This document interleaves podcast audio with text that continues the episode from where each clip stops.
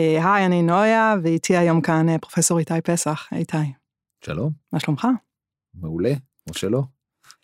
אה, וואו, זו השאלה פשוט שכולם ממשיכים לשאול, למרות שאף אחד לא יודע איך לענות עליה. תקועה לכולם כמו עצם בגרון. נכון? יומים מורכבים. ימים מאוד מורכבים. אז איתי, אתה רופא ילדים, מומחה גם לטיפול נמרץ וגם לאימונולוגיה בילדים, MD ו-PhD, ומנהל בית החולים לילדים ספרא בתל השומר. ואני חושבת שעוד כותרת אה, לשרשרת הכותרות המכובדת, היא שעושה רושם שאתה האיש של שיבא למשימות מיוחדות. אה, כי היית שם להקים את הטנק, טיפול נמרץ קורונה, אז בגל הראשון אה, לפני כמעט ארבע שנים. אה, והיית שם שוב עכשיו כדי להקים ולהוביל את אה, מבצע קליטת השבות והשבים מהשבי אה, חזרה לשיבא. והייתה לי הזכות להשתתף במבצע המדהים הזה, כפנימאית, אה, ולטפל במבוגרות ששבו מהשבי. וזו אחת מחוויות הקצה אולי הקיצונית מכולן שזכורה לי בחיים שלי כרופאה. אה, זאת הייתה חוויית קצה מבחינת ההתרגשות, והקושי, וההזדהות עם הכאב, והחשיפה, טשטוש הגבולות, והדחיסות והאינטנסיביות של מתן בשורות קשות, והתנהלות לא שגרתית למערכת הרפואה שהיא כל כך מובנית ומוגדרת ומסודרת, אה, וכל כך השתדלנו להגמיש אותה לתוך הסיטואציה. וגם הייתה שם עבודה בצוות רחב ומגוון שכלל אנשי רפואת גוף ונפש וצבא ולוגיסטיקה, ורובנו לא הכרנו אחד את השני קודם, ובטח לא עבדנו קודם כצוות. זה היה משהו כמו לא שום דבר אחר שאי פעם הייתי בו, מתיש וקשה ומפעים וחסר. זה תהליך שנקטע בי בו. אה, עם כל אלה שעדיין שם, אי שם בעזה ועדיין לא חזרו. אני מזמינה אותנו לדבר היום על מה היה לנו שם בעצם, מה קרה לנו, למה היינו עדים, מה עשינו, על הטראומה הקולקטיבית שאנחנו עוברים עכשיו, על למצוא תפקיד בתוך הטראומה. אני סקרנית לשמוע ממך על ההקמה של הדבר הזה, על איך מקימים משהו מאפס, כשלא ברור בעצם למה צריך להתכונן, איך בונים מענה ללא נודע ולסימני שאלה. אה, אני רוצה שננסה לדבר גם על הרגעים שבהם נשארנו אנחנו בלי מילים, ועל ההשראה שממלאה את הלב, על האנשים שפגשנו, אלה ששבו, המשפחות שלהם, ועל אלה שעוד לא, והלוואי ויבואו במהרה. אה, אני מזמינה אותנו לשיחה על מלחמה ועל החלמה. מה אומר? אני חושב שסיכמת את זה מאוד יפה. כן, אתה יודע, אומרים לי את זה הרבה על הפתיח, שהפתיח כאילו סוגר הכל, מה את מביאה אותו בהתחלה? אני מקבלת את זה. לא, זה מאוד יפה. תודה, איתי. תגיד, מאיפה, מאיפה נתחיל? אולי תספר איפה תפס אותך השבעה באוקטובר, והאם צפית וואו. שלשם זה הולך להתגלגל? אני לא חושב שאת מבינה לאיפה לקחת אותי. תספר לי. אה, אני בשבעה באוקטובר אה, אה, התעוררתי מהאזעקה בשש וחצי בבוקר, אני גר כולנו. ברעננה, כמו כולם. אה, זה העיר אותי מתוך אה, חלום אה, על מלחמה. מה אתה אומר? יום כיפור אה, התערבב לך. נכון, כי בשבעה לאוקטובר בשעה עשר בבוקר אבא שלי נפל. כן. אמ, ואני הייתי, ליד המיטה היה לי אה, ספר שעוד לא קראתי על מלחמת יום כיפור, אין הרבה כאלה, וואו. וקראתי אותו לפני השינה, הוא זה ספר ש... קריאה מומלצת ללפני השינה. אה, אני לא יודע, אני יש לי קטע כזה של ספרים של מלחמות, ובמיוחד אה, כאילו היסטוריה, ו- ובמלחמת יום כיפור אין כמעט משהו שמישהו כתב שלא קראתי, וזה היה אחד שעוד לא קראתי, וככה שמרתי לי אותו, לא יודע, דחיתי אותו. אה, אמרתי שאני אקרא אותו לפני יום כיפור, 50 שנה. אה, קוראים לספר ופתאום הייתה מלחמה. וואו. אז אותו יא סיימתי אללה. בשישי לאוקטובר, בלילה שבין השישי לשביעי לאוקטובר, והלכתי לישון, וכל הלילה חלמתי את אה, מלחמת יום כיפור, וואו. והתעוררתי מהאזעקה בתוך, כאילו זה לגמרי היה בתוך הזה, זה. ובאמת באמת, וזה לא קרה לי אף פעם בחיים, אני בן אדם שמתעורר תוך שנייה, אני במקצוע שמתעוררים בו כן. תוך שנייה ונכנסים לפעילות, אז אני הייתי בדיסאוריינטציה. לא הבנת אם זה חלום או ערות. אה, הבנתי שזה לא חלום, אוקיי. אבל, אה, אבל זה היה באמת, שטוזה. כן. כן. אה, כמו לכולם. כן. אה, וירדנו לממ"ד, כן. אה, כל אה, המשפחה, כן. והתחלנו ל... להבין טלפונים. להבין מה קורה. טלפונים מה קורה וזה, ולא הרבה זמן אחרי זה כבר הייתי בשיבא, ונכנסנו ל... לאירוע 7 לאוקטובר המאוד מאוד אה, מורכב, שממשיך להתגלגל אה, מאז. שמאז ממשיך להתגלגל, והמציאות שלנו כפרטים במדינה הזאת, אבל במיוחד כאנשים שעובדים בתוך מערכת בטח. שיודעת להתגייס וצריכה להתגייס לתוך אה, מצבי חירום, אה, בעצם, אה, שוב, אה, הוא סתם יהיה הנתיב הרגיל באיזה, או הצפוי שלה. כן. ואז כן, נכנסנו למין אירוע כזה, כן. שבו אה, בית החולים או המרכז הרפואי כולו אה, מנסה להתיישר או להיערך לבאמת המענה שהוא צריך לתת בשעת חירום, במלחמה, עם יומיים או שלושה שבהם אנחנו מתעסקים רק ב, בלחימה ובפצועים ובדברים כן. האלה, ודי מהר אחר כך הבנה שיש פה אירוע שהוא יותר גדול, כי גם צריך להמשיך לתת מענה לאנשים שהם לא לשגרה.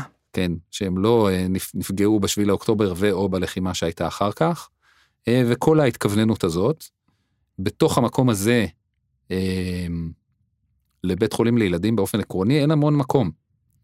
לס- פצועים רק. לשמחתנו, כן, אבל. לא היו המון ילדים פצועים, ברוך השם. אה, באמת, ברוך השם, כן, אה, ובטח לא בסדר גודל של מה שהיה בשאר מערכת הבריאות. בטח. אה, וגם אחרי מספר ימים, בסוף אתה קולט את כמה פצועים שמגיעים, או כמה הילדים שהגיעו, בהמשך עוד כמה ילדים שהעבירו מבתי חולים אחרים, נכון. מאוד אה, בתוך זה, אבל כמנהל בית חולים, אה, זה לא מאתגר את המערכת. יש מספיק אוקיי. שלקס. יש, אה, כן, אנחנו בית חולים לילדים מאוד גדול, כן. עם הרבה מאוד יכולות. אה, היינו, תוך כמה ימים הורדנו את ה... חזרתי לטנק. הורדנו את טיפול נמרץ ילדים על כל שלוחותיו וואו, איזה דז'ה וו, אה? לתת קרקע, כן, לאותו מקום שבו היה טיפול נמרץ קורונה בבית כן. חולים חירום. החניון של בניין אה, הילדות. החניון של בניין היולדות, אה, שוב, את, את העלית את זה, אז זה באמת אה, איזשהו קו כזה משיק במידה ממש. מסוימת לקורונה. המון פלשבקים והמון השוואות, מה דומה ומה שונה, אנחנו נדבר על זה, זה כן. ממשיך להעסיק אותי. אבל אז גם זה היה איזשהו, נקרא לזה אתגר ניהולי, שצריך אה, להפעיל את בית את? החולים, כן. כן, איך עושים את זה ואיך מורידים, ובסוף בסוף, אחד, לא משהו שלא עשינו בעבר, מהמם. שתיים, לא משהו שהוא מעבר ליכולות ההפעלתיות של אה, בית החולים. אה, בשבילי זה פעם ראשונה שיש אירוע אה, בסדר גודל הזה במדינה, ואני לא במילואים, וואלה. כאילו אני כבר די מבוגר, מהמם. כנראה. אה, והפסקתי לעשות מילואים לפני כמה שנים. אז גם זה, כרופא צבאי. לא הייתי רופא צבאי אף פעם. אה, נש- נשארת בתפקיד שלך? אני הפרדתי את הלחימה מהרפואה, וזה היה לי מאוד מאוד חשוב לאורך כל השנים, שכשאני בצבא, במילואים, אני חייל, וכשאני לא בצבא, לא במילואים, אני רופא. זה מאוד נדיר שמאפשרים את זה, כי בדרך כלל כל הרופאים נהיים רופאים צבאיים. אה, נכון, אבל אני לצורך זה התקדמתי בסולם הדרגות בצבא, ולקחתי על עצמי תפקידים שאפשרו לי לא, לא לעשות את זה, והייתי אה, אה, במלחמת לבנון השנייה הייתי מג"ד. Mm, אה, ומה, איפה? אה, של יחידה של אה, חיל התותחנים שמתעסקת בלראות אה, דברים. Mm, לא חשוב, זה היה מזמן. אה, אבל נשארתי במסלול הלוחם באמת כדי לא להיות אה, רופא צבאי, והפסקתי לאורך, ה- לאור העובדה ש, שזה מה שעשיתי איפשהו לפני משהו כמו חמש שנים. הפסקתי לעשות אה, מילואים, אה, וזה מאוד לא קל לאיש שכל חייו כשקרה משהו מהסוג הזה במדינה, אה, עלה על מדים ונסע, אה, לא לעלות על מדים ולהישאר ב, כן, בבית חולים. זה היה מוזר, זה באמת מוזר. אני בטוחה. אמ, ואז אחרי איזה שהם נגיד שבוע או עשרה ימים, אה, מצאתי את עצמי אה, עוסק ברפואת הילדים ובניהול בית החולים ובעבודה בטיפול נמרץ ילדים, שהיא בעצם השגרה. אה, מתעסק הרבה ב... לתמוך את, את בנות הזוג או בני הזוג של אנשי הצוות שלי שהיו במילואים, מתעסק בלדאוג לצרכים של המתמחים שגרים באשקלון, כל מיני דברים כאלה. זה מאוד חשוב, אבל זה היה לחלוטין, אה, תומך לחימה. זה בדיוק לא היה המקום שאני רגיל להיות בו. אה, ואז אה, לקחתי על עצמי את המשימה של באמת להיערך ל- באיזשהו, ש... לשבים. באיזה שלב קלטת שה... שהולך להיות עניין שיש חטופים שיחזרו ויקלטו אותם בבית חולים, ואנחנו צריכים לעשות איזשהו תהליך של להיערך לזה, באיזה שלב, כאילו, אתה הבנת את זה והתחלת להפעיל את האופרציה הזאת מעצמך? אה, אני ידעתי שזה יקרה והיה לי ברור שאנחנו נרצה להיות אה, בדבר חלק הזה. בדבר הזה. לגמרי. אה, וברגע שהתחיל השיח, זה עוד הרבה לפני שדיברו על הסכמים. כן. זה פחות או יותר בשבוע השני או השלישי של, ה, של מלחמה. המלחמה, אה, התחיל השיח על מה תהיה ההיערכות, אה, אז רציתי והייתי חלק מהשיח הזה, והתחיל תהליך שהוא היה תהליך לאומי, הוא לא היה תהליך אה, רק שלנו, רק של שיבא. הוא היה תהליך שהגורם המתכלל שלו היה משרד הבריאות. אמ, ואנחנו בתוך ה... אה, כגוף מאוד משמעותי בתוך משרד הבריאות אה, היינו גם חלק ממנו והתחיל התהליך הזה. אז מה, אתה יודע, אגב, אני רוצה להגיד בהערת סוגריים, גם אני, כאילו דחפתי את עצמי לתוך הדבר הזה. אני אמרתי, הגיעו מבוגרות, יצטרכו פנימאי, אני ממש זוכרת את הרגע שנחת לי האסימון, לקח לי בערך עוד חמישה שבועות יותר ממך כדי להבין שהדבר הזה הולך לקרות, אני איטית. ואז אני זוכרת, הייתי בדרך הביתה, הרמתי טלפון למעיין, אמרתי לו, הם הולכים להצטרך פנימאי, תעשה שזה יהיה אני. תתקשר למי שצריך. אני ממש, התחושה הזאת שלה, אני כל כך מזדהה עם כל מה שאתה אומר, קורה משהו עצום, אנחנו בהיקף שלו. אני יכולה לחפות על המתמחים שלי שגייסו אותם, אני יכולה לחפות על טיפול נמרץ כדי שהם יקלטו פצועים, אבל מה, מה אני יכולה לעשות? החוסר, אני מאוד מזדהה עם זה. אז תגיד, מה בעצם הדבר הראשון שאתה, איך ניגשים לדבר כזה בעצם? אז כדי בעצם זה גם ישלים את התמונה, כיוון שעוד לא היה ברור איך מדינת ישראל אה, הולכת ל... לקבל את השבים, מהמם, אה, ואני אה, רופא ילדים. כן, היה ברור שאחד מה... אה, כולנו היינו תקווה, וגם זה היה די ברור שהראשונים שיחזרו נכון. זה יהיו הילדים. אה, ואנחנו התחלנו להתעסק, עוד במקביל לכל מה שאמרתי, התחלנו להתעסק גם במתן המענה הפסיכולוגי אה, והתומך ל- לילדים שנחשפו לזוועות של השביעי לאוקטובר. ותוך השיח הזה אמרנו בוא ננסה לייצר איזה שהם קווים מנחים לטיפול בילדים שחוזרים מהשבי. איזה מחשבה מטורפת, תלושה מהמציאות. כאילו, זו התגלמות של סיוטים. כאילו, אתה שומע את המשפט? בואו נראה איך מייצרים קווים מנחים לקבל ילדים שחוזרים מהשבי. זה לא יתואר הדבר הזה, אה, אנחנו כאילו אומרים את זה, זה הפך להיות מין משהו שגור, זה דבר מטורף. זה דבר מטורף, אנחנו אבל בסיטואציה פסיכית. כן. אה, ובתוך הסיטואציה הפסיכית הזאת, הדרך שלנו תמיד הייתה לנסות ולהיות שלושה צעדים לפני הסיטואציה. זה בסוף, אה, המהות של להיות אה, רופא בטיפול נמרץ, מה שאני מנסה ללמד את המתמחים שלי ואת הזה, זה שאתה צריך להיות שניים, שלושה צעדים לפני המטופל. לפני שהוא מידרדר, אתה כבר צריך לדעת מה יקרה, או איך למנוע שהוא יידרדר, ואם הוא יידרדר, מה אתה הולך לעשות. אה, זה משהו שמנחה אותי בניהול שלי, אה, במיוחד במצבי קיצון, אה, ואני חושב שזה אחת מהסיבות שהרבה מאוד מנהלים במערכת הם אה, אנשי טיפול נמרץ בעברם. אה, יש כרגע במדינת ישראל שלושה מנהלי בתי חולים שהם רופאי טיפול נמרץ ילדים בעברם. מה אתה אומר? כן. אה, המנהלת של שניידר, המנהל נכון. של רמב"ם Mm. ואני. זה הרבה מאוד כי אין הרבה רופאי, רופאים מומחים בטיפול נמרץ ילדים יש במדינת ישראל בערך 40, כולל השלושה האלה. אז כן, יש לנו איזה משהו ששם אותנו במקומות האלה, ואנחנו גם במקום הזה. מגיע האירוע, הגיעה הקורונה, כן. חשבנו שלושה צעדים קדימה, כן. נצטרך טיפול נמרץ, המצאנו, אה, כתבנו את התורה ופתחנו את הטנק, שהיה הכי גדול תקופה מאוד ארוכה, הרבה זמן. שהיה הראשון. הראשון, הכי ו- גדול, קלט את ובאמת אצלנו. בסוף, הרבה ממה שעשינו הפך להיות אחר כך התורה שגם מקומות אחרים יישמו, כן, בהרבה דברים צדקנו, היו גם דברים שלא, אבל אנחנו היינו אלו שהובילו את הקו.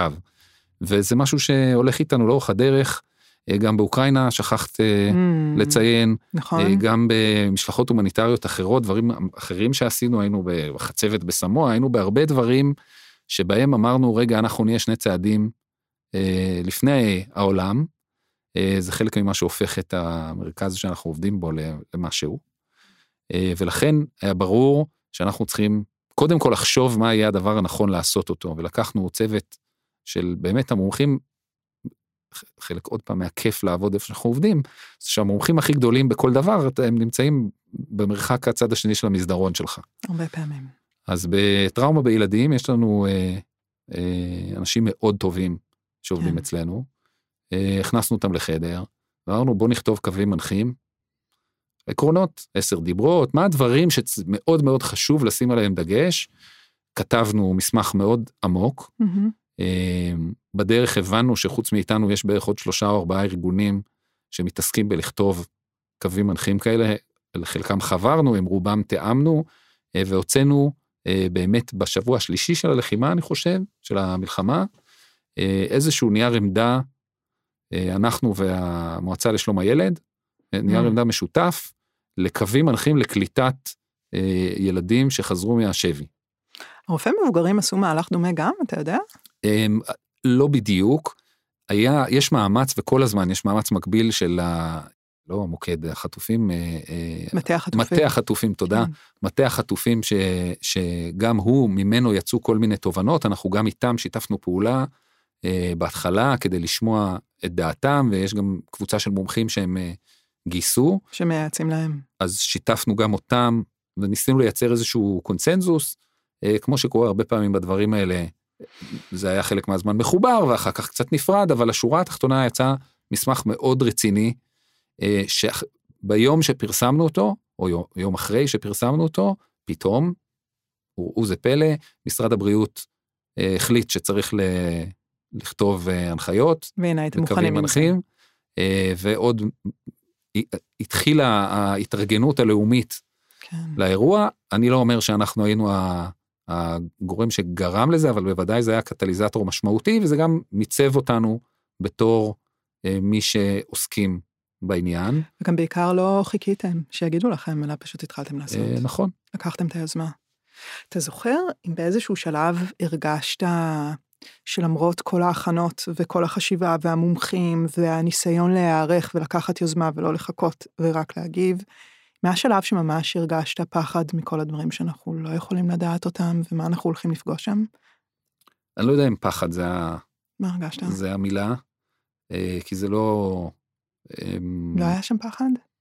פחד לא. אני זוכרת שהמטופלת הראשונה שטיפלתי בה, באתי לטנק, לא לטנק, באתי למתחם, נכנסתי וראיתי אותך, ועוד לא ממש, אני כאילו נכנסתי לדבר הזה תוך כדי, בהתחלה הגיעו לנו בעיקר ילדים ומבוגרים צעירים. אני נכנסת, אני לא בסקראבס, בבגדים הירוקים וזה, אלא עדיין בבגדים הרגילים שלי וחלוק, ו... ואני נכנסת, אני רואה אותך, ואתה, תכף אני אספר גם מה אמרת לי, אני ממש זוכרת את זה, ואני זוכרת שאחרי שדיברנו בינינו, וראיתי כמה אתה נרגש, וגם היו לך דמעות בעיניים, ורעד לך הכל, אני פחדתי להיכנס, לראות מה אני אפגוש שם. הצעדים האלה היו, היה בהם פחד. אז, אז שוב, אמ, אני לא יכול להגיד שהיה שם פחד, לא פחדתי בשום שלב ממה אני אפגוש, פחדתי שלא נפגוש. Mm. פחדתי שהם לא יבואו. זה אולי היה הדבר שכאילו, אני חושב שכולנו עדיין מפחדים ממנו, אמ, אבל אה, בעיקר היה שם המון אה, רצון אה, לעשות את זה מדויק ומקצועי, והכי רציני שאפשר, כי קודם כל מגיע להם.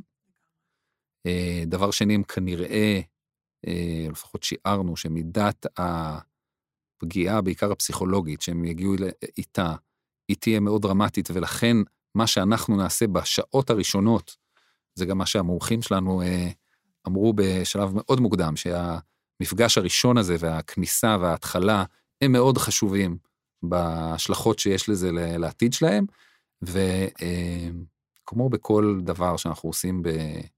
שוב, אני חוזר לעולמות של טיפול נמרץ, אתה צריך להיות מאוד מדויק. כל דבר שאתה אה, לא שם לב, נותן לאיזשהו משהו ליפול בין הכיסאות, אה, מפספס איזה פספוס, אה, בסוף הוא עולה כן. בטיפול נמרץ בחיי אדם, בקבלה של השווים, ביכולת שלהם ל...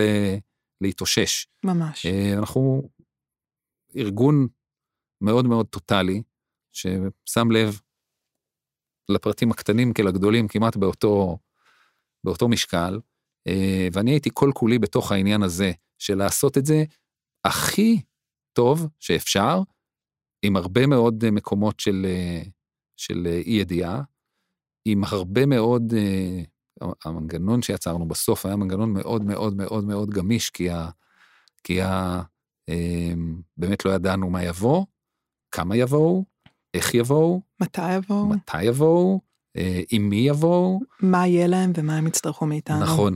ולכן יצרנו מנגנון באמת מאוד גמיש, כן. אמ, וזה גם, זה באמת, אני חושב, הוכיח את עצמו, למרות שאנחנו נדע אם עשינו טוב או לא רק עוד הרבה שנים. וזה היה חלק, מה, חלק מהעניין.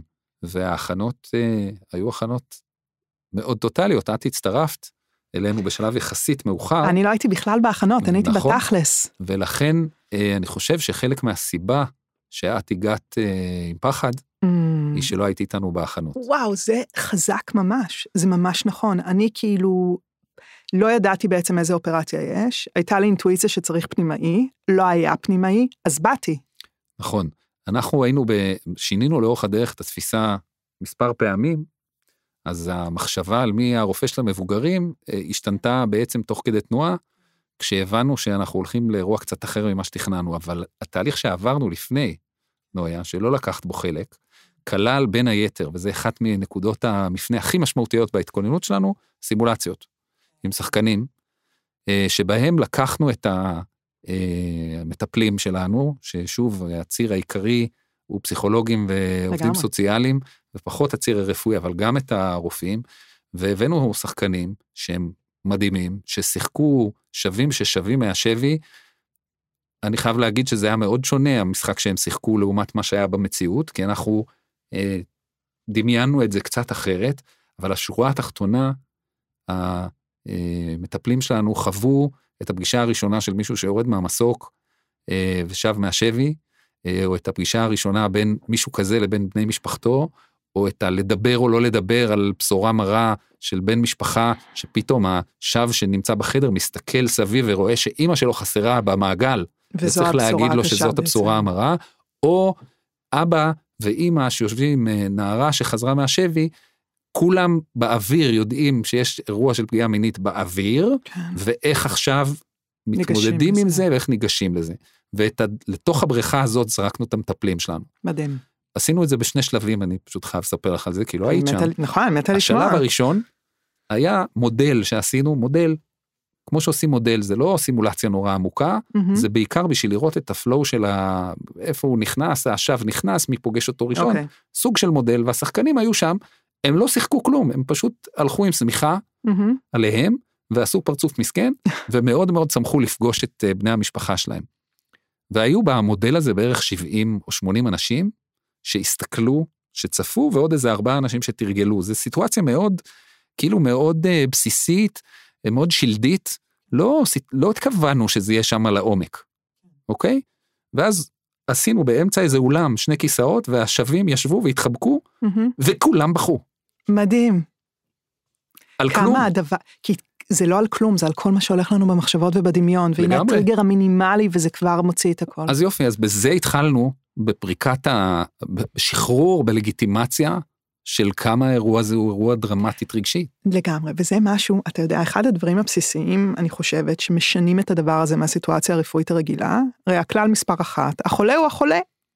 נכון? זה ההפרדות, זה לא אני, זה הוא חולה, ההחייאה אצלו, הפציעה אצלו, זה לא אני, אני בריאה, אני... זה לא קורה לי. אבל זה משהו שקורה לכולנו. ובגלל זה הרגשות היו מאוד בחוץ ואצל כולנו.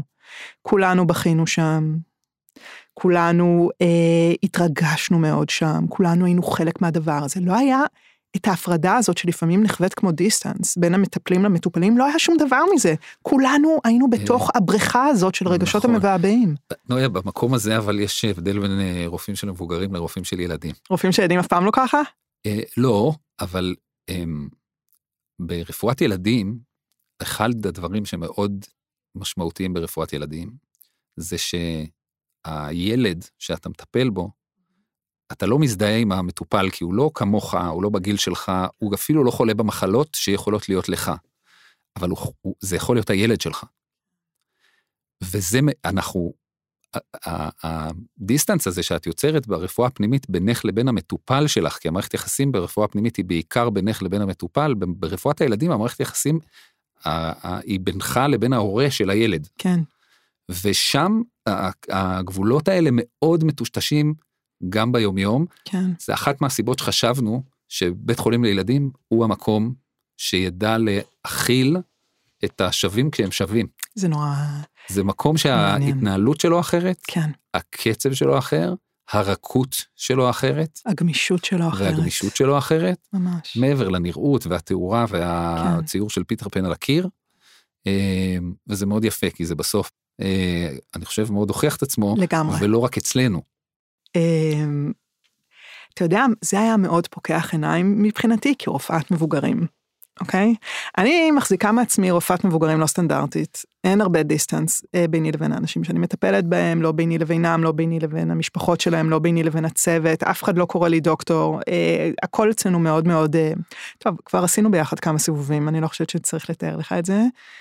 אה, ועדיין כשבאתי וראיתי את הדבר הזה, אחד המסרים שאני יצאתי מהם מהשבוע האינטנסיבי הזה שהיה לנו, שהרגיש כמו נצח, הוא כמה טובה הרפואה יכולה להיות. כמה טובה הרפואה יכולה להיות כשהיא סביב המטופל ולא סביב המחלה, או סביב המערכת. עצם זה שלמשל תמיד המטופלים מחכים לנו, מחכים לנו 18 שעות במיון עד שהם יעלו למחלקה, מחכים, לא, זה היה סביבם. ואתה יודע, לנו יש את הדרך שלנו לעבוד שהיא מאוד ברורה, רואים רופא מיון, ואז רואים רופא אשפוז, ולוקחים סימנים, ולוקחים בדיקות דם, ולוקחים אנמנזה, ועושים בדיקה גופנית, ורק אז עשיתי וכל... פה זה ממש היה לפי מה שנוח להם. הטריאז' זה מה שראינו בעיניים. מי שנראה בעין, הולך לא טוב, נושם לא טוב, נכנסנו אליו יותר מוקדם. מי שלא, לא. אבל את רואה עוד פעם, סליחה שאני קוטע אותך, אבל כן. זה עוד פעם ההבדל בין רפואת מבוגרים לרפואת ילדים. ככה זה רפואת ילדים? אתה לא מעיר ילד בשביל לבדוק אותו, כן. אוקיי? אתה כן. יכול לרצות, אבל האמא לא תיתן לך. עד שהרדמתי אותו, עכשיו אתה לא תעיר לי אותו, כן. אוקיי?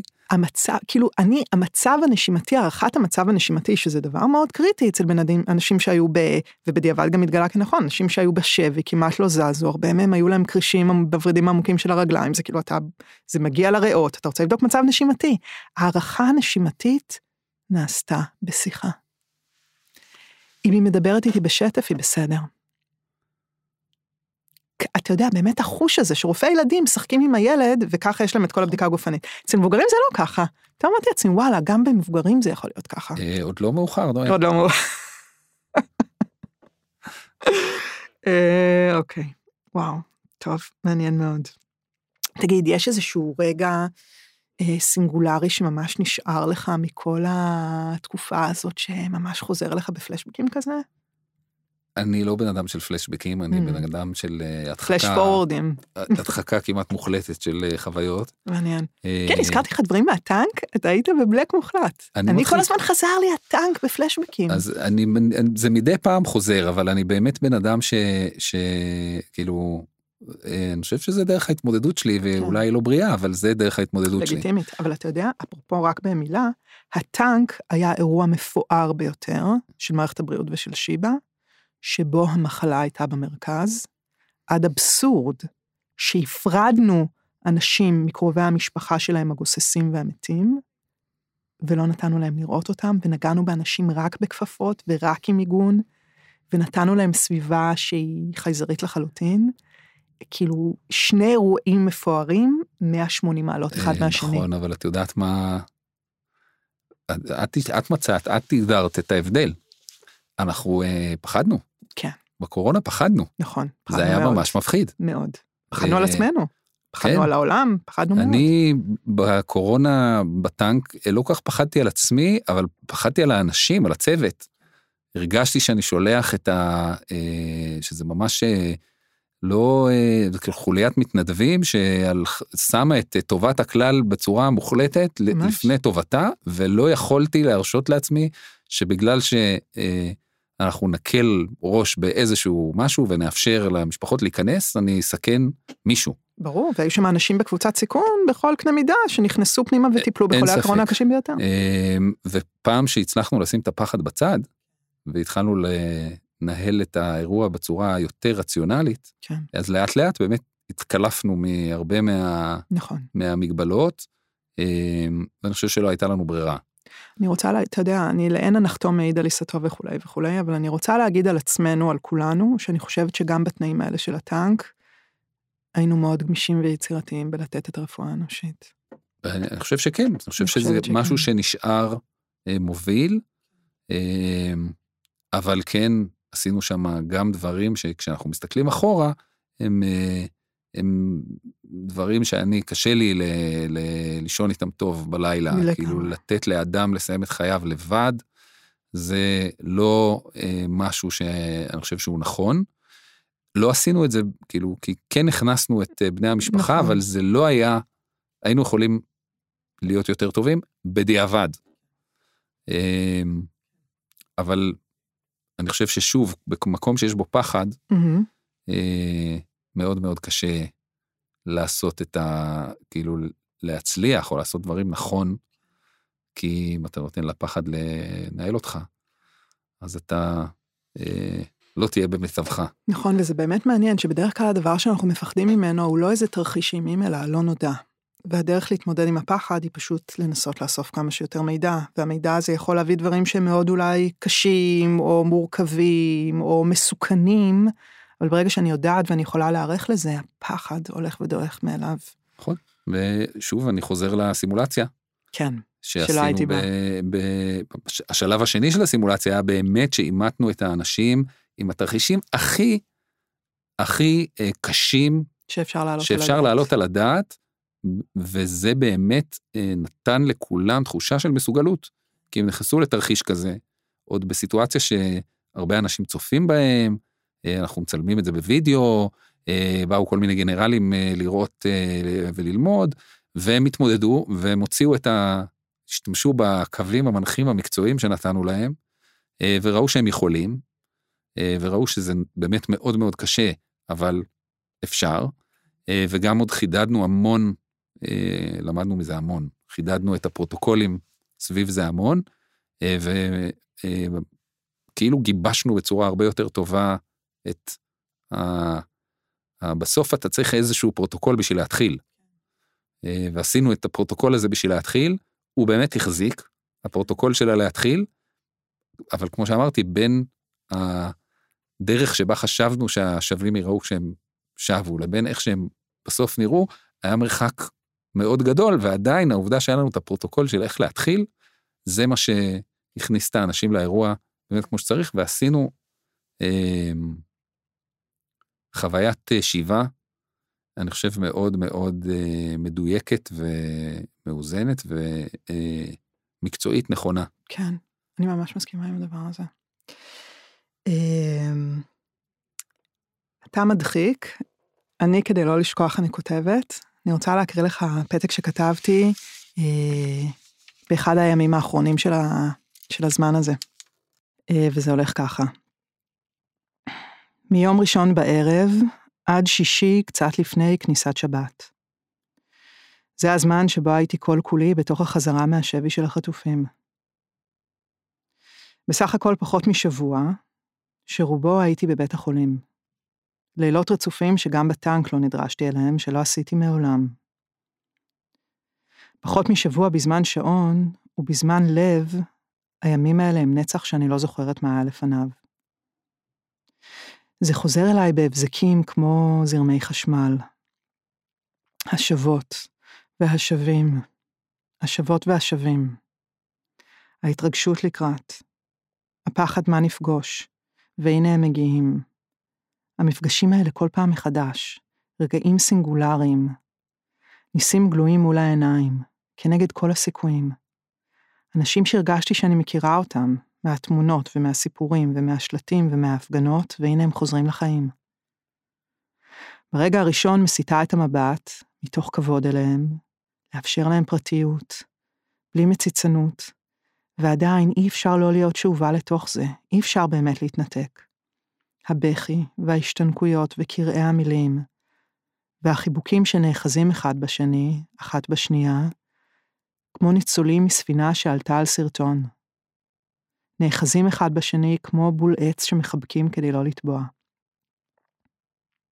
היה טקס קבוע, כל חזרה מתחילה בישיבה משותפת בחדר טיפול נמרץ לב ילדים שהוסב לחמ"ל, בציפייה הדרוכה כל פעם מחדש למסוק שינחת.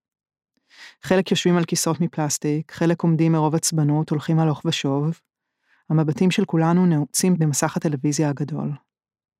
ברקע רעש לבן של מכשירי קשר מטרטרים. ואז נקודה קטנטנה מהבהבת, מנצנצת, קטנה קטנה בקצה המסך, והולכת וגדלה ומתבהרת עד לנחיתה. ומחיאות הכפיים.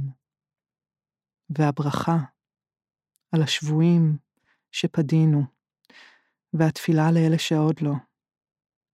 והאמן, המשותף, כמו הד רחוק שמתגלגל מדפנות מנהרות החמאס בעזה ומרעיד את מחיצות הזכוכית בחמ"ל, ומתגלגל כל הדרך חזרה לחטופים שנותרו מאחור שם, הד של הקלה וכאב מעורבבים. ואיך גרייס התעקש להכניס את כולם פנימה לחמ"ל, לצביעה המשותפת, כולם כולל כולם, שיעצרו את העבודה ויבואו, גם המנקות. ואני שהכנסתי את המשפחה של ירדן, ופינו להם את הכיסאות בשורה הראשונה, ואמיר הניח סוואטשרט גדול על הכתפיים של גפן, שלא יהיה לה קר. ורגעי המפגש של המשפחות, כולנו בחרדת קודש לשמור על הפרטיות, לתת להם את הפינה המשפחתית בלי פומביות. אפילו את הטלפונים הפקדנו כולנו במשמורת מחוץ למתחם, שיהיה ברור שאנחנו לא מצלמים אף אחד. והבכי, פרצי הבכי, בכי של הכלה, נדיר ששומעים בכי של הכלה בבית חולים. בשורות טובות אצלנו תמיד מדודות, תמיד מתקבלות בשמחה מצומצמת, באופטימיות זהירה, ופה היה בכי של הכלה מכל הלב. וגם פרצי הבכי של הבשורות הקשות. בשורות קשות מנשוא שנאמרו בלי הכנה מספקת, בלי שכבות הגנה לבטן הרכה. בשורות על אלה שנרצחו, ואלה שנפצעו, ואלה שנחטפו ונשארו מאחור, ועל הבתים שנשרפו, והיישובים שנשרפו, ואין יותר לאן לחזור. בשורות של השלמת פערים של 50 יום ויותר. ודיצה, שהגיעה על כיסא גלגלים ועל מפתן המחלקה פגשה את איתי, וביקשה ממנו לעזור לה לקום כי רצתה לעשות את הישורת האחרונה בהליכה. ואיתי התכופף וקרע ברך והסיט את רגליות הכיסא והושיט לה ידיים ועזר לה לקום. היא לא ידעה שאנחנו רואים את הכל בטלוויזיה בחמ"ל. אחר כך היא סיפרה לי איך בשבי היא כתבה על פיסות נייר שמצאה את השירים העבריים שהתנגנו לה בראש, מכושי כלב כת ועד לו יהי. והכינה לוח שנה, וברכה בלב כל אחד מאהוביה שציין יום הולדת כשהיא הייתה בשבי. והעברית המופלאה שלה של דור שישי בארץ. והיא גם הסבירה לי שהיא לא שום דבר מיוחד, אז שנירגע.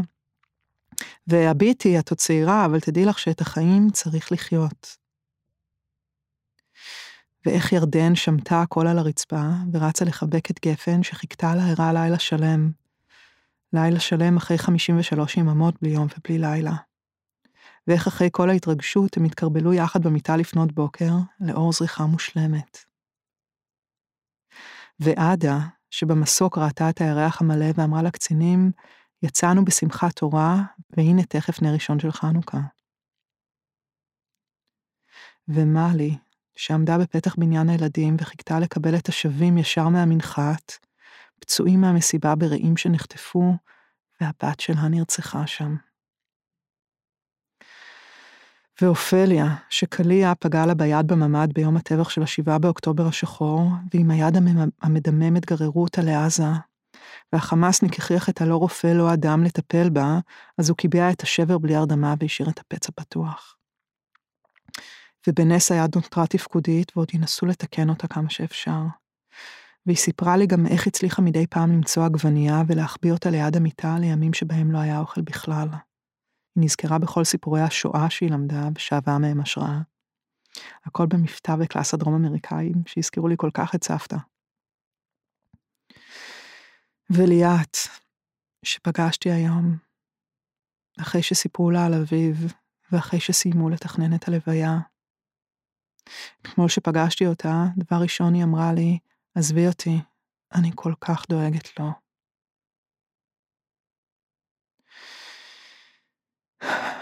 ותמי, שנילי מרגלית הצליחה להשיג לה חמצן בשבי, וסגרה לה פצעים מזוהמים עם דבש. והכלבה בלה שהגיעה על מיה ואיך קרייס הקפיץ באמצע הלילה את הווטרינר לבדוק את הכלבה הזאת, וטרינר של בית החולים שבדרך כלל מתעסק רק בניסויים רפואיים. ואיך נדבקתי בכינים מעזה. ולהישאר ימים על ימים בתוך בית החולים, ומתערבב היום והלילה, ולא יודעים מה השעה, ואי הוודאות. אשכרה לפתוח ערוץ 2 כדי לחשב לאחור לפי התמונות מעזה, אם יש זמן לנוח. והתחושה שאנחנו עובדים עם הלב, פיזית, הוא מתאמץ, הוא מתרחב, הוא כואב, המועקה בלב.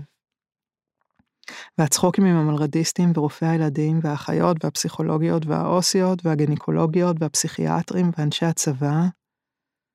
כולנו הכרנו אחד את השני לפני זה ממש מעט, בשם, בפנים, אם בכלל, אבל אנחנו יודעים קצוות וגרים בתוך השוחות, וכשלוחצים אותנו אנחנו מתגבשים ליהלום.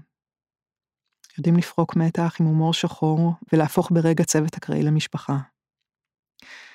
והסבתות של ניר עוז, הסבתות המייסדות של ניר עוז, כמה, כמה, כמה רוגע, ביטחון, השראה, כמה כוח. והילדים, הטינג'רים, כמה אכזריות וכמה כאב לב, וכמה הכל התנפץ וכמה הכל מתחבר. ובדרך הביתה בשקיעה של יום שישי, עצב עמוק עמוק ואין מילים. עצב על כל מה שהיה וכל מה שלא היה, ואולי גם לא יהיה. כולנו ניצולים, הטראומה קולקטיבית, ולרגע לרגע התקרבנו לאש כדי להתחמם וגם נכווינו. וגם הפתק הזה הוא לא פתק, רק רסיסים ושברים. איזה מזל היה לי להשתחל פנימה לתוך זה. אף אחד בעולם לא יכול לדעת מה היה שם. אי אפשר להבין.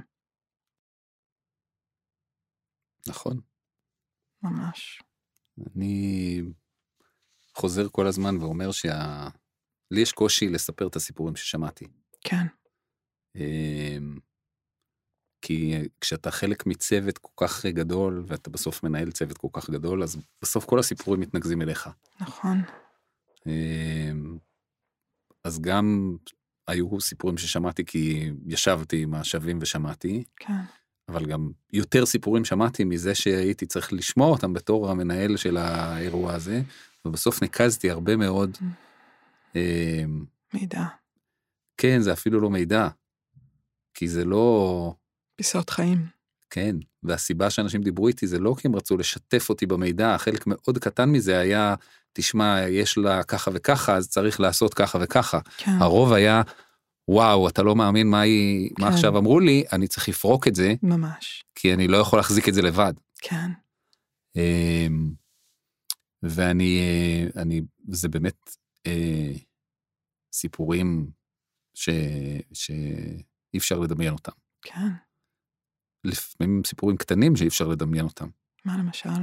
למשל, מה מצויר היה על העריכים בשירותים שבנו ב, במנהרות של במנהרה, החמאס? במנהרות של החמאס, כי השקיעו. לא שמו עריכים סתם. וואו. אמ, זה לא איזה פרט נורא חשוב, כן. אבל הוא מכניס כל כך הרבה צבע כן. לעובדה שבן אדם שהה בתוך מנהרה באיזשהו אתר שהכינו בשביל לחטוף אותו במשך 50 יום, והוא זוכר כל פרט.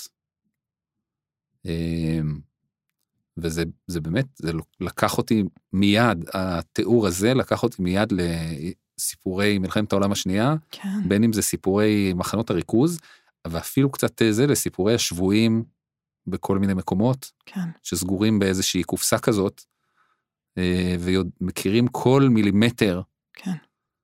כי זה מה שיש לך לעשות שם. כי זה מה שיש לך לעשות, כי ככה אתה נשאר שפוי, כי אתה כן. יודע בדיוק אה, כמה ספלי קפה חומים מצוירים על העריכים של האזור שנמצא לנגד עיניך כשאתה שוכב ללא תנועה ואסור לך לזוז. אה, את זה לא הדחקתי, את הסיפור הזה. אבל הרבה אחרים כן, ואני עדיין חושב שזה לא הסיפורים שלנו לספר אותם, זה סיפורים שלהם לספר, ואני מניח שחלק מאוד קטן מהם נשמע, ואת רובם לא. אמ, וזה באמת משהו שאי אפשר לתאר אותו. כן. זה, אתה יודע, אני חושבת שאחד הדברים, אנחנו מדברים על האופרציה הזאת, אה, אני חושבת, שני הקווים אולי המנחים העיקריים שאני הבנתי, אה, אם ממך, בהסברים מאוד ברורים בהתחלה, ואתה הכנסת אותי לעניינים מאוד מהר, אה, וגם דרך האווירה שהייתה ממש ספוגה שם בקירות, היו שני עקרונות מנחים. א', אנחנו בתור רופאים לא ניהלנו את העסק. אתה אמרת לי מההתחלה, שיהיה לך ברור, את לא מחליטה פה שום דבר, את לא עושה פה שום דבר על דעת עצמך. יש פה עובדות סוציאליות ופסיכולוגיות, הן מנהלות את העסק, כשהן אומרות לך שאת יכולה להיכנס, את נכנסת. ככה זה עובד. אה, שזה היה, אה, בתוך אירוע רפואי, זה היה מאוד, מאוד מיישר, מצפן מאוד ברור. בסדר, אני חושבת שיש משהו דחוף, בסדר. אני ניגשת ואני שואלת האם אפשר עכשיו לעשות. הם אלה שניהלו את העסק. הם עשו את זה אגב מצוין לדעתי. והדבר השני שאני חושבת שהיה מאוד מאוד ברור, זה חרדת הקודש שבה שמרנו על הפרטיות שלהם. לא היו הדלפות, לא היו צילומים, לא הייתה, לא הייתה להחזיר להם את השליטה על הסיפורים שלהם ועל הפרטיות שלהם. אני מסתכלת אפילו, היה את הסרטון ש... שהדוברות הכינו, על, על הסיום בעצם, על התם ולא נשלם. לא ראו שם בכלל שווים ושוות, והם היו שם כל כך נוכחים. מאיך אנחנו התכוננו אליהם, וכל הדברים שהכינו, וכל המחשבות שהיו, וכל ההתרגשות, וההליקופטר שמגיע, והצוות, והחמ"ל, והטלוויזיה, ו... ובסוף לכבות את האור. האור נכבה על המקום הזה בלי שכולם חזרו, בלי לראות את השווים והשוות, הם סיפרו את כל הסיפור. תראי, זה מאוד מאוד שיבאי לנצל להצלחה ולהשתמש בה באמת כדי לעשות טוב. למנף. אה, אבל למנף אותה. ואנחנו מ, מיום אפס של האירוע הזה, אה, כולנו, אה, נקרא לזה בצוות שהוביל את זה ממני ועד לפרופסור קרייס, החלטנו בצורה מודעת שהאירוע הזה יהיה אירוע אחר. שאנחנו, קודם כל משהו השתנה במדינת ישראל ב-7 באוקטובר. כן, הרבה דברים. ואנחנו לא יכולים להתנהג כאילו לא, כן. השתנה משהו. אה, ואנחנו מאוד מאוד מאוד נזהרנו בזה. כן. הם המרכז, הם העיקר, טובתם היא העיקר. אי אפשר להגיד שה... כי לא הייתה חשיפה, כי הייתה הרבה מאוד חשיפה כן. לארגון, כן. לבית חולים לילדים, וגם לנו בתור פרסונות, לך, לי, לאנשים אחרים שלקחו חלק, אבל זו חשיפה מאוד אחרת. נכון. זה לא הסיפור שלנו לספר אותו. והמקום היחידי שבו אה, הרשינו לעצמנו אה, להשתמש בזה, היה במקומות שחשבנו, ועדיין אנחנו חושבים שזה בא כדי להחזיר שווים אחרים. זאת אומרת, אני התראיינתי בתקשורת ודיברתי על מה שהשווים עברו, אה, או על, מה, או על איך שצריך לקבל אותם. אחד, בשביל שהעולם ידע, כדי שנחזיר את האלה שעוד לא חזרו, ושתיים, כדי שאנשים יבינו שהאירוע הזה הוא אירוע פרטי של אנשים שאם אנחנו עכשיו לא ננהג בהם באופן הנכון, אנחנו מזיקים להם. כן, אנחנו מוסיפים חטא על פשע.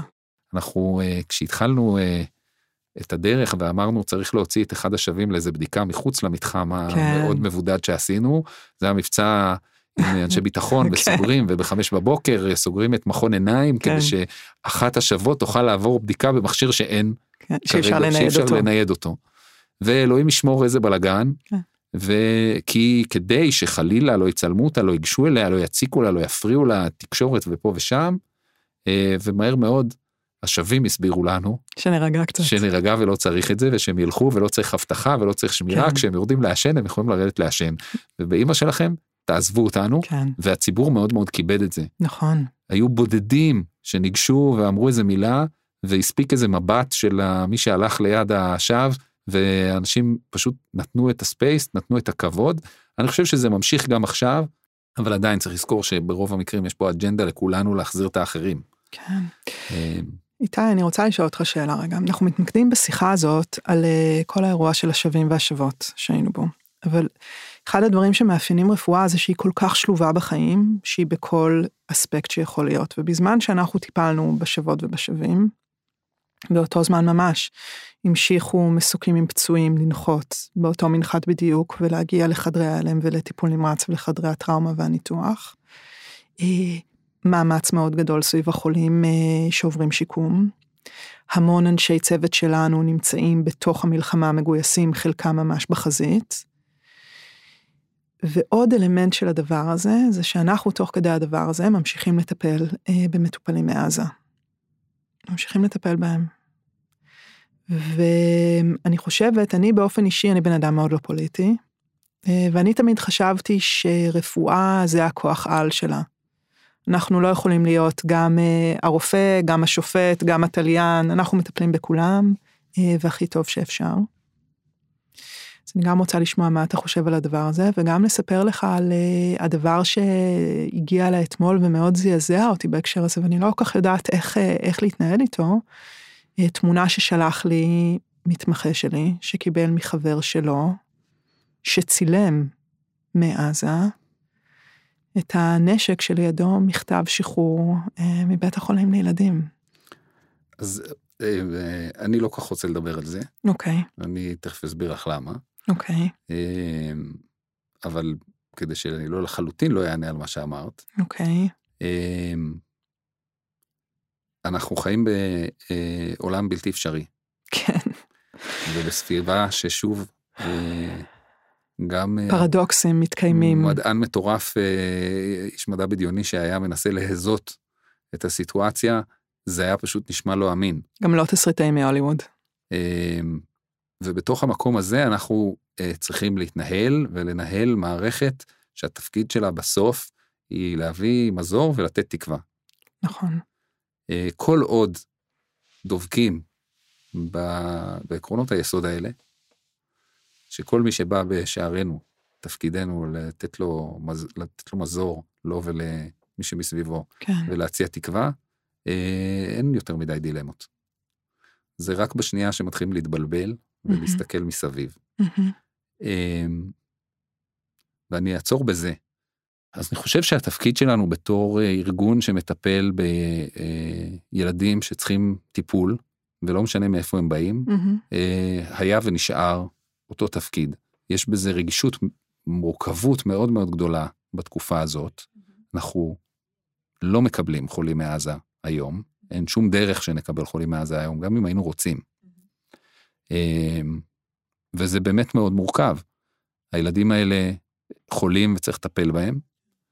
אמ, גם מבוגרים, יש הרבה מבוגרים שמגיעים גם. אה, נכון. מעזה ומהשטחים. אני, במקום הזה נוח לי להישאר בעולם של כן, רפואת הילדים. כן, בילדים זה איכשהו יותר קל... אה, נכון. אמ, זה חלק מה, מה-DNA של, ה, של בית החולים לילדים, שבאמת אנחנו לא, לא משנה לנו מאיפה הילד מגיע. הוא יכול להגיע מעזה, הוא יכול להגיע מחברון, הוא יכול להגיע מירושלים, הוא יכול להגיע מאשקלון, הוא יכול להגיע מחיפה, הוא יכול להגיע מרוסיה, הוא יכול להגיע מקפריסין, וזה תערוב, והוא יכול להגיע גם מעיראק. אנחנו כל הזמן רואים ילדים באמת מכל המקומות האלה. ופעם שהם נכנסו בדלת, זה כבר לא כך משנה מאיפה הם באים. אי אפשר להגיד שזה לא משנה מאיפה הם באים עכשיו, כי זה כן משנה, אבל עדיין, כל פעם שהם נכנסים בדלת. מרגע שהם נכנסו הם, זה כבר משהו אחר. זה כבר לא משנה. כן. אני גם לא מכיר מטפל, או אדם שעובד במערכת הזאת, שיעמוד מולו ילד אה, חולה או מבוגר. תינוק בן שנתיים עם סרטן, והוא יגיד לו, לא מתאים לי. כן. אתה יודע, הדבר הזה הוא גם מאוד נכון לגבי מבוגרים. אני חושבת שזה משהו שהוא ב-DNA של אנשי טיפול בכלל, ואני רוצה להגיד לך שאני גם לאורך השנים הרגשתי שזה ממש זכות בשבילי לעשות שלום בידיים. כי שלום זה לא משהו שעושים דיפלומטים בהסכמים. שלום זה משהו שנעשה בין אנשים, והרבה פעמים זה אשפוזים מאוד ממושכים, כי אתה לא יכול לשחרר אותם כדי לחזור עוד יומיים מעזה. אמ, ואני ממש הרגשתי שהדבר הזה הוא זכות, ואני ממש מקווה שיום אחד זאת תהיה הדרך, שרפואה תוכל להיות גם הדרך, אה, איזשהו צעד ראשון כדי אה, להחזיר אה, שלום, שפיות, בדיוק דרך הדברים האלה. אני לגמרי מסכים. אני חושב שהזעזוע של השביעי באוקטובר, כן. הוא כל כך עמוק. כן. והוא כל כך נוגע בדברים שאנחנו חשבנו שהם מאוד מאוד יסודיים, כאילו קווים שחשבנו שאף אחד לא יחצה, גם במלחמה, והם נחצו. אה, וזה מקשה עלינו בתור אה, חברה מאוד אה, להגיד אנחנו לא נחצה את הקווים האלה, אנחנו נישאר. אנחנו עוד בכלל לא שם, נכון. אנחנו עוד בכלל, הפצע כל כך פעור ומדמם וממשיך להתפוצץ, אז אנחנו פשוט לא שם עדיין. אין ספק. יום אחד נצטרך להתמודד עם הדברים האלה, כן. כרגע אני באמת לא חושב שמישהו מסוגל. כן. נכון, זה ממש לא השלב. אה, hmm, איתי, אנחנו מתקרבים אה, לסוף אה, שיחתנו המיוחדת הזו. אה, יש שלב אה, מסורתי בפודקאסט, כן? יש שלב מסורתי בפודקאסט, אה, שבו אני מזמינה לשאול אותי שאלה אם אתה רוצה להביא משהו משלך לשיחה, או לשאול אותי, או משהו שאתה רוצה שנדבר עליו, אתה מוזמן מאוד. מתקילה אותי, זה בסדר. ככה זה צריך. טוב. אה, אני בתוך, ה... בתוך האירוע הזה נשארתי עדיין עם שאלה אחת מאוד, שמאוד מאוד מטרידה אותי, כן.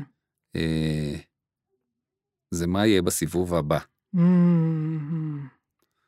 אה, לא בקטע של אה, אם נהיה יותר טובים או פחות טובים, או מה אנחנו צריכים לעשות בשביל להשתפר. אה, דיברת קודם על פחד, אז אני לא חושב שאני מפחד מזה, אבל אני חושב שהאתגרים יכולים להיות מאוד מאוד אה, שונים. כן. אה, אז זה מקום שהייתי שמח אה, לשמוע מה את חושבת מה עליו. אני חושבת? או, וואו. כאילו, אה, אני, כן. אני רוצה לדייק את זה אפילו טיפה. מה למדנו מהסיבוב הקודם שאפשר? אה, לא, דווקא לא מה למדנו. אלא... אנחנו בסיבוב הקודם טיפלנו בעיקר בילדים בעיקר ונשים. ילדים ונשים, כן. אה, שהתפלגו לאוכלוסייה של יחסית צעירים מהמם, ו/או קשישות. נכון. באמצע מעט. נכנסו בודדות שהיו, ובודדים שהיו צעירים. מהמם, ובסיבוב הבא אנחנו נטפל בעיקר בגברים, מבוגרים. כן. מבוגרים, כנראה יותר חולים, כן. ובנשים וגברים צעירים שהם אה, בעיקר אה, ניצולי המסיבה או חטופי המסיבה. אה, וזה יהיה אחרת. כן.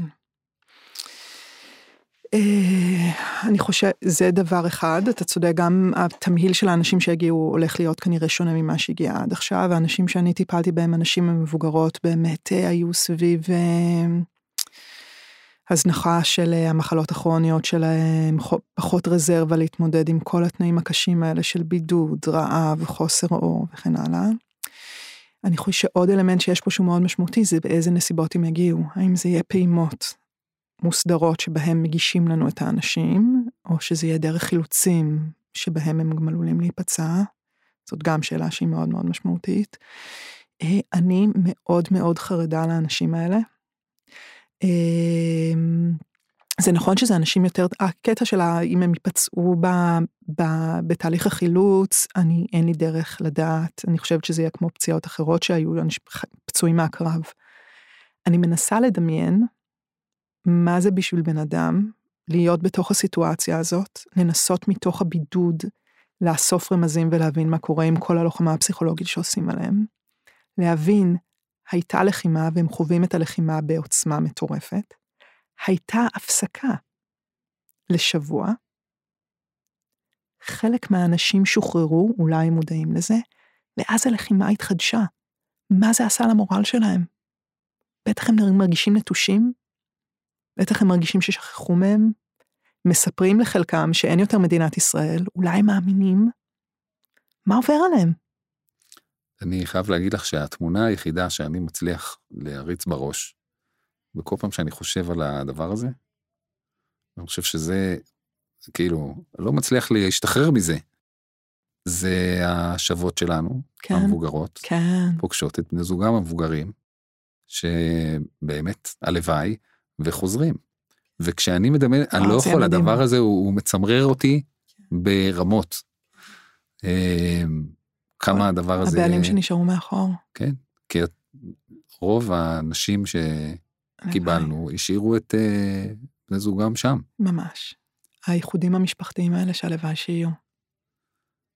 כן, אני לא מצליח לעבור מעבר לזה בשביל לחשוב מה אני עושה איתם אחרי שזה קורה. וואו.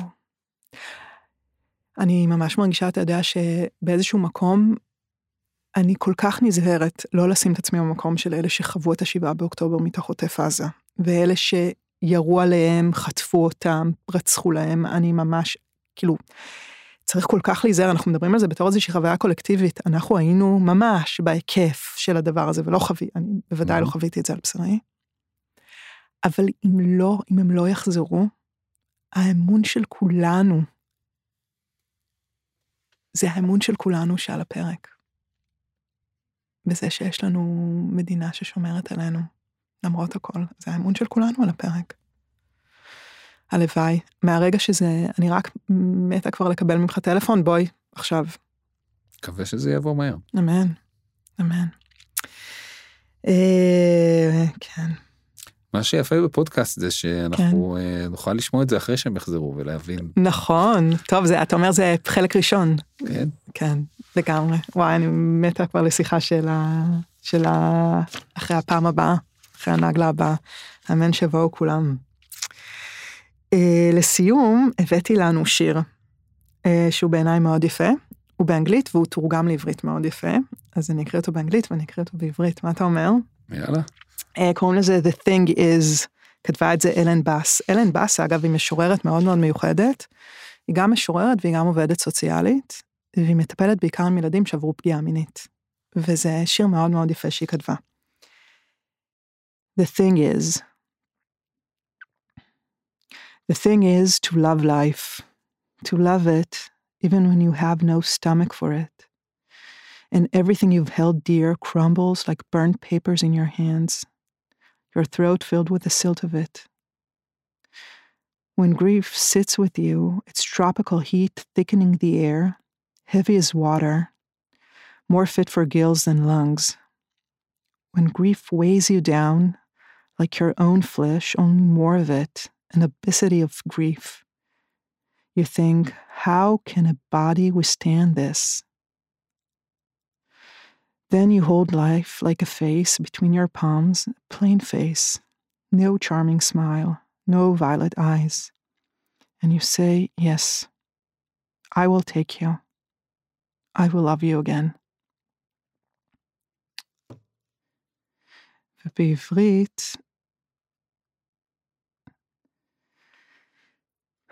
העניין הוא לאהוב את החיים, לאהוב אותם. אפילו כשאין לך חשק לזה, וכל מה שחשבת שיקר לך מתפורר כמו נייר שרוף בידייך, גרונך מלא בנסורת שלו. כשהצער יושב לצידך, חומו הטרופי מעבה את האוויר כבד כמו מים, מתאים יותר לזימים מאשר לריאות. כשהצער מכביד עלייך כמו בשרך שלך רק יותר ממנו. השמנת יתר של צער. את חושבת, איך גוף יכול לעמוד בזה? ואז את מחזיקה את החיים כמו פנים בין ידייך, פנים פשוטים, בלי שום חיוך מקסים, בלי עיני לילך, ואת אומרת כן, אקח אתכם. אוהב אתכם שוב. מקסים. איתי פסח. נויה. תודה רבה שבאת. תודה שהזמנת אותי. תודה על השיחה ועל כל הדברים המיוחדים שזכיתי לעשות ביחד איתך. אני ממש מקווה שזה לא נגמר. ואמן שיהיו עוד בקרוב, שיהיו עוד הרבה הרפתקאות ביחד. תודה רבה רבה.